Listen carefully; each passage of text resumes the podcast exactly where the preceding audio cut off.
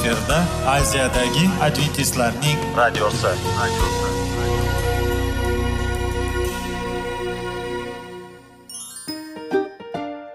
Assalomu alaykum aziz radio tinglovchilar. Sog'liq daqiqasi rubrikasiga xush kelibsiz. Zero tananing sog'lom bo'lishi va uning kasalliklardan saqlash har bir insonning burchi hisoblanadi. Inson uchun bebaho boylik bu sog'liq salomatlikdir. Uni asrash esa har birimizga omonat qilib berilgan. Shuning uchun ham inson o'z sog'lig'ini ehtiyot qilishi voajib amallardan hisoblanadi. Dono xalqimiz sog'liq tuman boylik deb bejiz aytmagan. Aql idroq sohibi bo'lgan inson o'z hayotini qadrlashi lozim bo'ladi. Hozirgi kunda qanchalik dori darmonlar ko'paymasin tibbiy muassa sifati shifokorlar vasiyasi tibbiy texnika yaxshilanmasin. Agar insonning o'z salomatligi haqida qayg'urmasa kutilgan natijaga erishib bo'lmaydi va biz sizlarga bizning dasturimizga xush kelibsiz deymiz.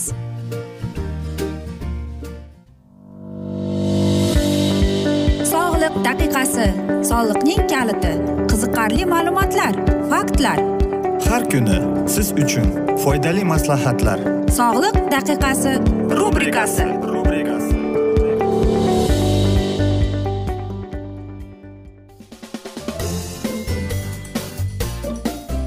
assalomu alaykum aziz radio tinglovchilar. Dasturimizga xush kelibsiz va biz sizlar bilan tana va sog'liq degan dasturda xushvaqt bo'ling deb aytamiz. Va bugungi bizning dasturimizning mavzusi bu e, depressiya. Va bugungi dasturimizning ikkinchi qismi bu albatta.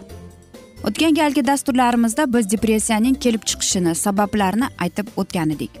Va bugungi dasturimizda esa mana shu mavzuni yana o'qib eshittiramiz. Qaytalanuvchi depressiv buzilishda bo'ladi. Bu ya'ni inson bir marta depressiyaga uchrab u yaxshi bo'lib tuzalib ketgandan keyin yana qaytib qolishi mumkin. Bularni e, olimlar takrorlanuvchi depressiv epizodlar deb aytadi. Bunday epizodlarda davomida inson tushkun kayfiyatda bo'ladi. Qiziqishlarini yo'qotadi. Quvonch hissini sezmaydi. Hayotiy quvvatning pasayishi esa kamida ikki hafta davom faoliyatining pasayishiga olib kelar ekan. Depressiya bilan ko'p odamlar ham tashvish aziyat uyqu va albatta kasalliklarni keltirib chiqadi va aybdor his yoki past izzat bo'lishi mumkin ekan. Aytaylik kambag'al konsentratsiyasi va tibbiy asqalamasi bu xato alomatlar ekan.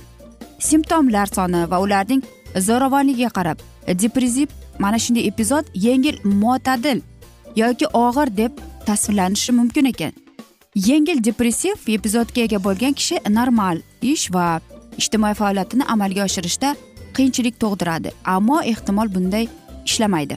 Og'ir depressiv epizod davomida depressiya bilan og'ir bemorlar ko'pincha normal ijtimoiy yoki ish yoki uy faoliyatini davom ettira olmaydilar yoki faqat cheklangan darajada shunday qilishlari mumkin. Bipoplar mana shunday affektiv buzuqlik ya'ni depressiva bu turisi shunday ekanki odatda normal e, odatda hayotida mana shu davrlardan uning hayoti davom etaveradi. Ammo lekin mana shu inson depressiyaga uchraganini hech kim bilmaydi. Kichkinagina epizodlarga hayajonlangan yoki bezovtalangan kayfiyat ortiqcha faoliyat nuqt bosimi yuqori hurmat va uyquga bo'lgan ehtiyoj kirib keladi. Repressiya rivojlanishi va uning oldini olishga yordam beruvchi omillar bu depressiya ijtimoiy psixologik va biologik omillarning murakkab o'zaro ta'siri natijasi rivojlanib keladi. Har qanday salbiy hodisalarni boshdan kechirgan odamlar masalan ish yo'qotish judolik psixologik travma depressiyani rivojlantirishining ehtimoli ko'proq. Depressiya o'z navbatida stressni oshirishi normal hayot faoliyatidan izdan chiqarishi undan aziyat chekayotgan odamning hayotining ahvolini yomonlashtiradi va unga yana og'ir depressiyaga olib kelishi mumkin. Depressiya va jismoniy salomatlik o'rtasida munosabatlar ham mavjud. Misol uchun yurak qon tomir kasalliklari ruhiy tushkunlik va aksincha olib kelishini ham mumkin ekan. Tashxis va davolash mo'tadil va og'ir ruhiy tushkunlik uchun samarali davolashi bor ekan. Shifokor bunday qiziqishlariga aktivlashib kabi masalan aytaylik psixologik muolajalarni taklif qilishi mumkin. Yoki bunday qilib aytganda biz serotopetin degan ingibotlarni sifatida antidepressantlar buyurishi ham mumkin ekan. Shifokorlar antidepressantlar mumkin yon ta'sirini xabardor bo'lishi kerak. Buning davolashi muayyan turi uchun Э, mavjud imkoniyatlari bor va individual imtiyozlar. Ya'ni u shaxsan siz bilan shug'ullanib e, faqatgina psixologga borsangiz u siz bilan shug'ullanib siz bilan suhbat qiladi va mana shuni individual e, imtiyozlar deb nomlanadi. Depressiya bu e, ruhiy salomatlik bo'shliqlarni to'ldirish uchun bu aytaylik dasturiga kiradi tomonidan qoplangan ustuvor shartlari biridir. Dasturning maqsadi mamlakatlar ruhiy va nevrolog muammolar bilan odamlar davolash uchun xizmatlarni kengaytirishga yordam beradi va shuningdek dori va boshqa moddalardan foydalanish bilan bo'lgan muammolar ruhiy sog'liqni saqlash mutaxassislari emas sog'liqni saqlash mutaxassislari tomonidan o'tkazilgan. Kim professional sog'liqni saqlash xodimlari tomonidan foydalanishi mumkin? Ruhiy tushkunlik uchun qisqa amaliy ishlab chiqilgan.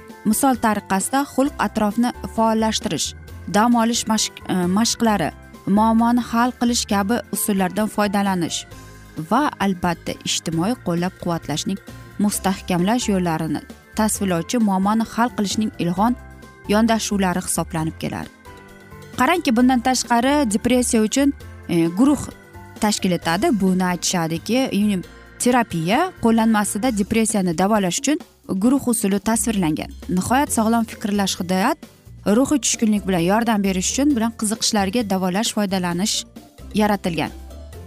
Yana bir e, mexanizm bor. Bu depressiya sog'liqqa depressiya bilan bog'liq bo'lgan tana to'qimalaridan o'zgarishlarga ta'siri ko'rsatadi. Depressiyaning o'zi ichki organlarga zarar yetkazmaydi lekin tushkunlikka tushgan odam ko'pincha nosog'lom turmush tarzini olib boradi. Hayotdagi narsalarning holati haqida qayg'urgan bo'lsak u shifokorlarga bormasligi yoki aytaylik aksincha tez tez borib turishi ham mumkin ekan. Aziz do'stlar qarangki depressiyaga uchragan insonning mana shunday alomatlarini ko'rsangiz albatta u depressiyaga uchragan bo'lar ekan. Va shifokorlarning mana shunday davolash usullari yordam berib keladi. Xohlasangiz u siz bilan alohida o'zingiz bilan e, shug'ullanadi yoki aytaylik guruhlarga bo'linib siz o'sha guruhlarga borib qatnab va albatta mana shunday u depressiyangiz qayerdan kelib chiqqan? Uning sabablarini aytib o'tasiz. Va qarangki olimlarning aytishicha ruhiy tushkunlik bemorlarning e, janubiy mamlakatlarda shimoliy nisbatan kichikroq ekan. Lekin butun dunyo bo'ylab ko'proq hindistonda bor ekan.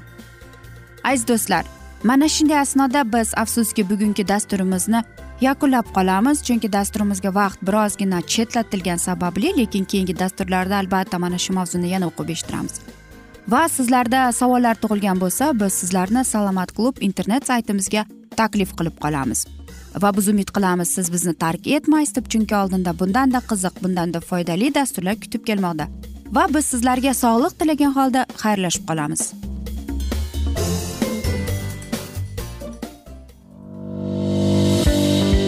Sog'liq daqiqasi. Soliqning kaliti. Qiziqarli ma'lumotlar faktlar. Har kuni siz uchun foydali maslahatlar. Sog'liq daqiqasi rubrikasi.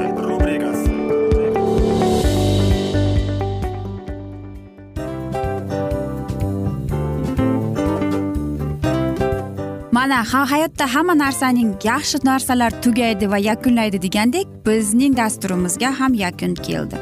O'ylaymanki bizning dasturimiz sizga foydali bo'ldi deb aziz radio tinglovchimiz.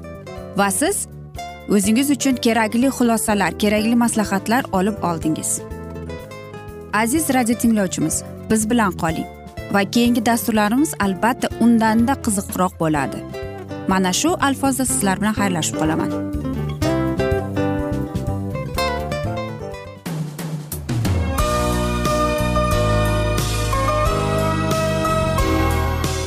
Efirda aziyadagi adventistlarning radiosi.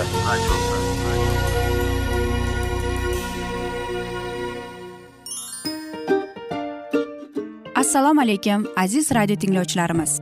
Dil izhori dasturimizga xush kelibsiz. Pul insonni baxtli qiladimi? Albatta yo'q. Sog'liqchi? Albatta bo'lishi mumkindir. Lekin olimlar shuni isbotlashdiki to'liq va mukammal munosabatlar insonlarni baxtli qilar ekan. Albatta biz hayot davomida biz yaqin insonlar bilan odamlar bilan aloqada bo'lamiz va ular bilan munosabatlarimiz qanday kechadi qanday tuziladi? Yigit va qiz er va xotin ota ona va farzandlar va yaqin insonlar bilan. Balkim hozirgi vaqtda kimnidir hayoti yoki munosabatlari buzilyapti va bizning dasturlarimiz ularga yordam bo'ladi deb va oldinda sizlarni qiziqarli intervyular va mavzular kutyapti va biz umid qilamizki siz biz bilan qolasiz deb.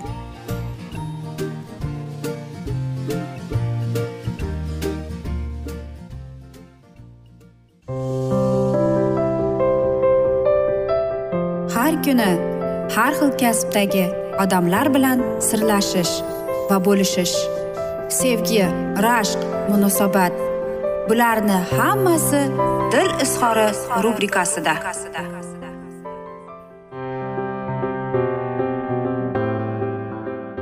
Assalomu alaykum aziz radio tinglovchilar. Dasturimizga xush kelibsiz va biz sizlar bilan erkaklar marsdan ayollar veneradan degan dasturda xushvaqt bo'ling deb aytamiz. Va bizning bugungi dasturimizning mavzusi erkaklar va ayollarning maqsadi nimada deb nomlanadi. Va siz savol berasiz nima uchun erkaklar va ayollar bu dunyoda mavjud deb? Nega odamzodda shunchalik e, farqliklar bor e, mana shu erkak va ayollarda?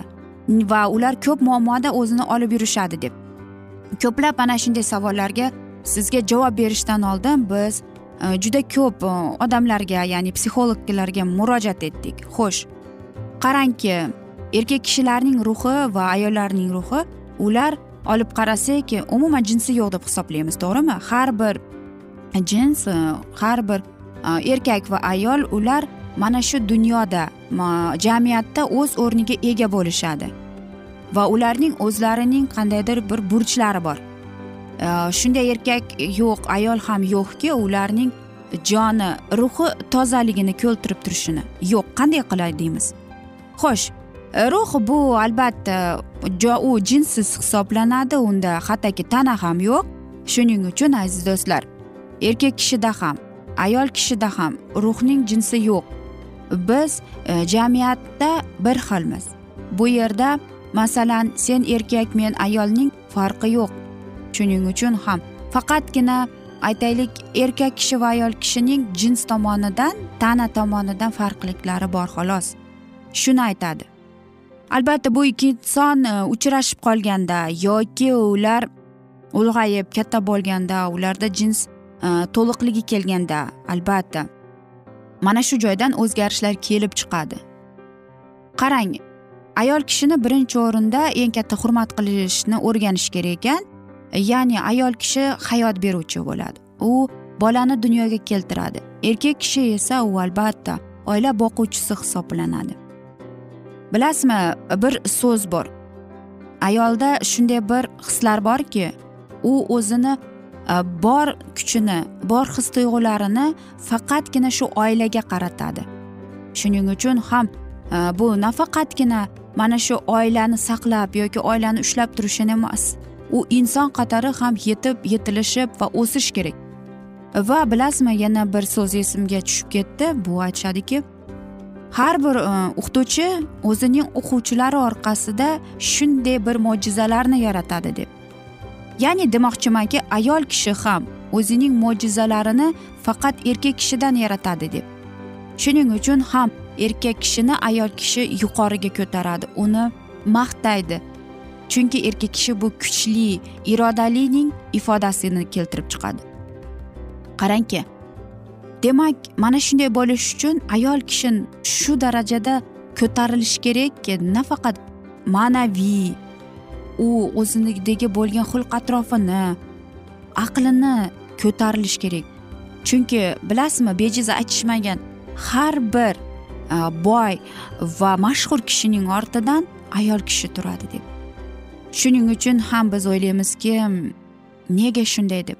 Hammamiz e, sizlarga bir qanday desam ekan hikoyani aytib bermoqchiman. Hammamiz bu hikoyani bilamiz. Eden bog'ida yeva bizning momo havomiz momo otamizga olmani bergan.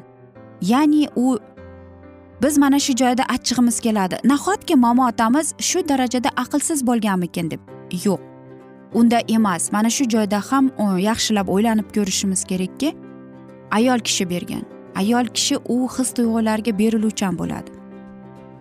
Greklarning aytishicha esa bu ayollar go'zallik va aqllilikning ifodasini keltirar ekan.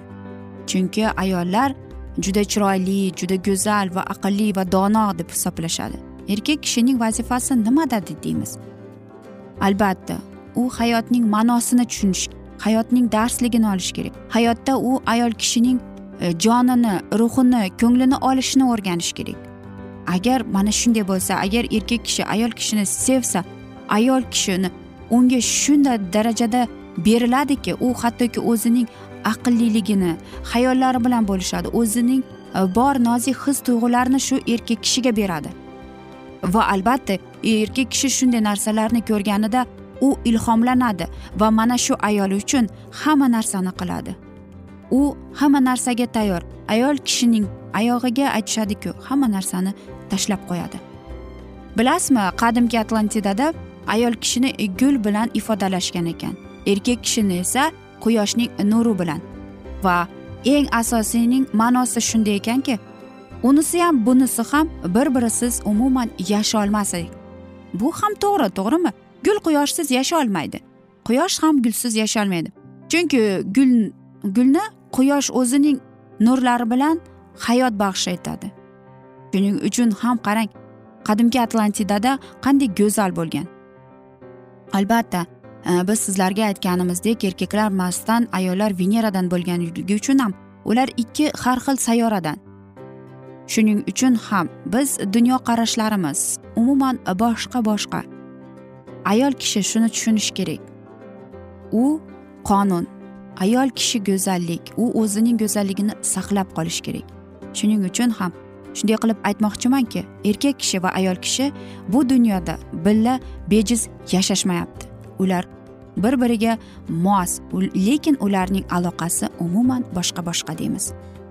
Aziz do'stlar ana shunday asnoda biz afsuski bugungi dasturimizni yakunlab qolamiz chunki dasturimizga vaqt birozgina chetlatilgani sababli. Lekin keyingi dasturlarda albatta mana shu mavzuni yana o'qib eshittiramiz. Va biz umid qilamizki siz bizni tark etmaysiz deb chunki oldinda bundanda qiziq bundanda foydali dasturlar kutib kelmoqda. Va biz sizlarga va oilangizga tinchlik totuvlik yuzingizdan tabassum hech ham ayrimasin deb seving seviling deb xayrlashib qolamiz.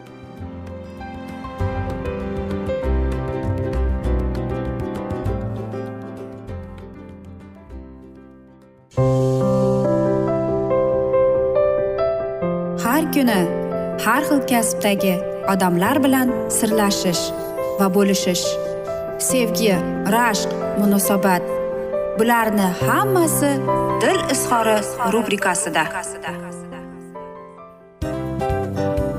Mana aziz radio tinglovchimiz bizning go'zal va foydali va chiroyli dasturimiz yakunlanib bormoqda. Sizlarga birozgina maslahat berib o'tmoqchi edik. Bir biringizni seving. Qadringizga yeting. Va erkalang albatta bir biringizni va sizga judayam chiroyli va mustahkam munosabatlar tilab qolamiz albatta. Sevgilingiz doimo yoningizda bo'lsin. Mana shu borada sizlar bilan xayrlashib qolamiz. Xayr.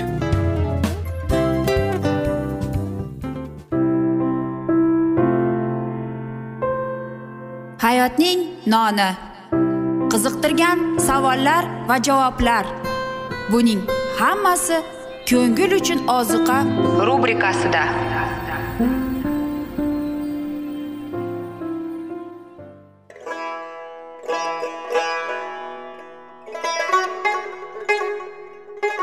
Assalomu alaykum aziz radio tinglovchilarimiz. Ko'ngil uchun oziqa rubrikasida xush kelibsiz deymiz. Siz haqiqatni izlayapsizmi?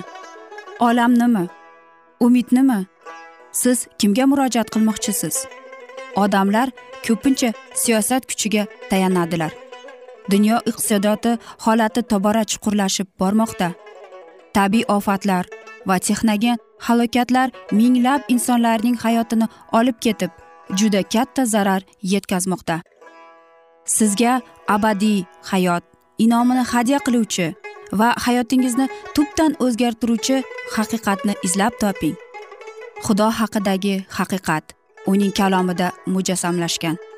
Kimki bu haqiqatni butun qalbi bilan izlasa albatta unga yetishadi. Bu sevgi xudoning tarixidir. Hayotingizda yoki sizning yon atrofingizdagi olamda nimalar yuz berishidan qat'iy nazar? Siz ertagi kunga buyuk umid va ishonch hosil qilishingiz mumkin. Hozirda xudo sizga taklif qilayotgan umid ishonchga o'z qalbingizni oching va sizni qiziqtirayotgan mavzularni savollaringizga javoblaringizni topib olasiz deb umid qilamiz. Biz bilan qoling.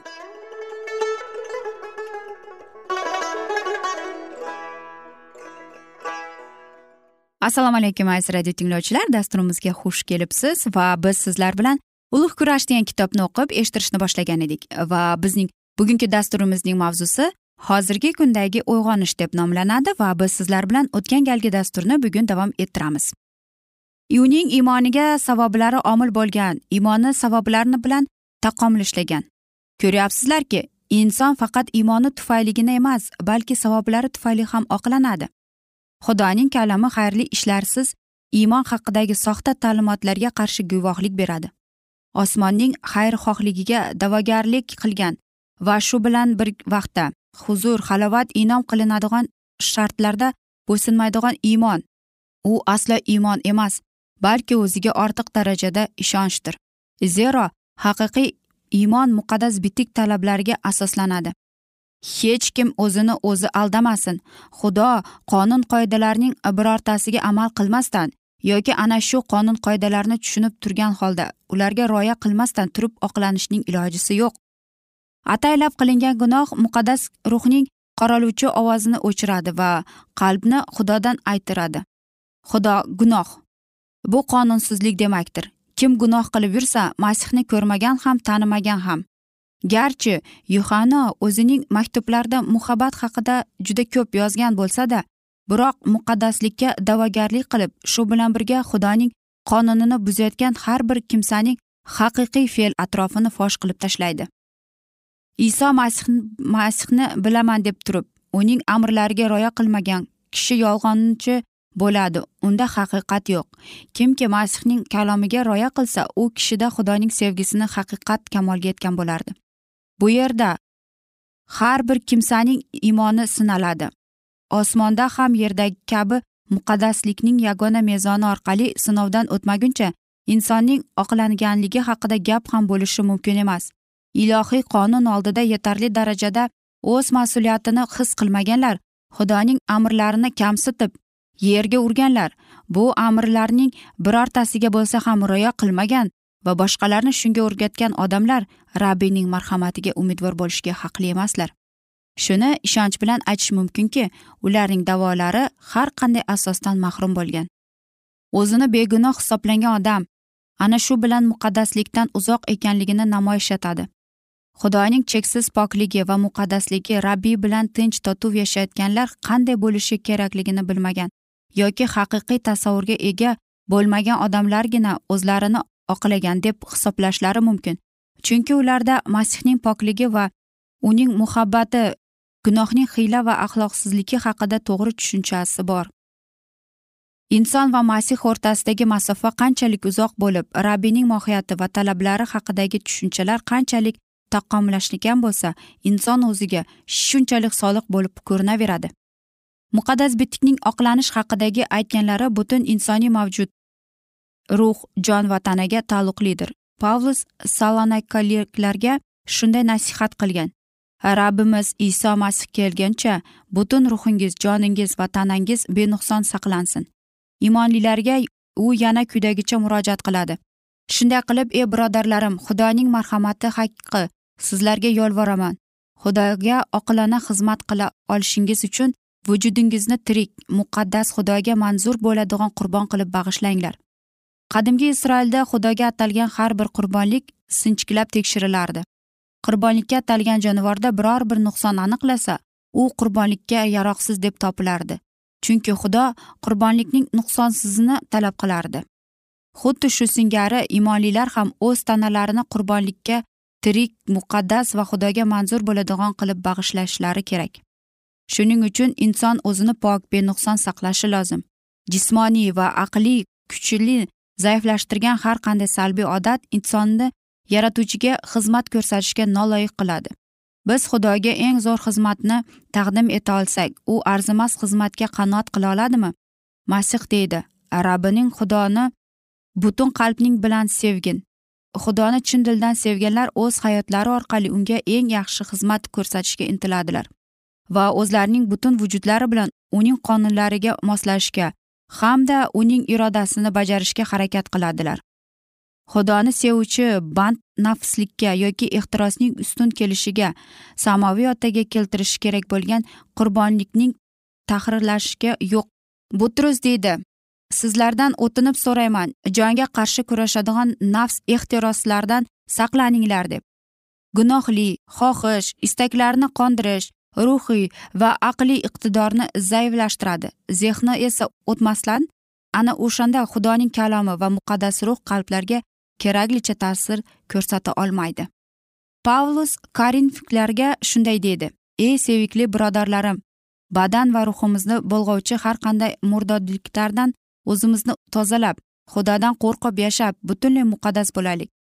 Ilohiy ruhning samarasiga esa muhabbat sevinch xotirjamlik sabr toqat lutforlik xayrixohlik sadoqat muloyim va iboga u sabr qanoatni qo'shib qo'yadi.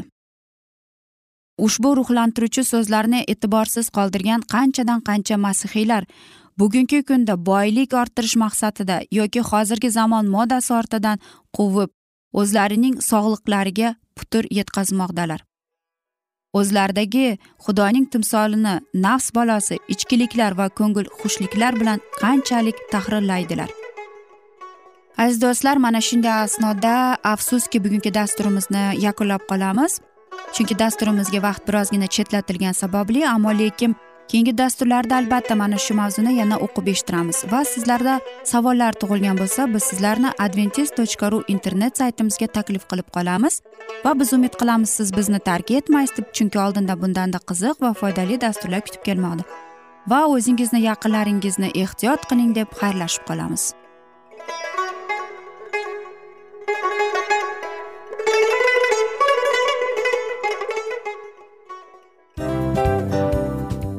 Aziz radio tinglovchimiz hamma yaxshi narsaning yakuni bo'ladi degandek bizning ham dasturlarimiz yakunlanib qolmoqda.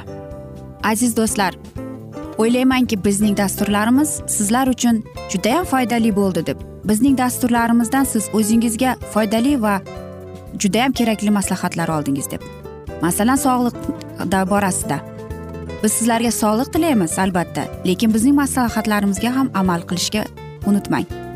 Munosabatlarga kelganda bu munosabatlar chuqur va yaxshi bo'lishi uchun uni ustidan ishlash kerak albatta. Diniy masalaga kelsak aziz do'stlar bu judayam jiddiy va chuqur nazarni talab qiladi. Ammo biz sizlar bilan xayrlashib qolmaymiz keyingi dasturlarda eshittirishimizni davom ettiramiz va sizlar bilan mana shu yaxshi kayfiyatda xayrlashib qolamiz. Va keyingi dasturlarda ko'rishguncha xayr!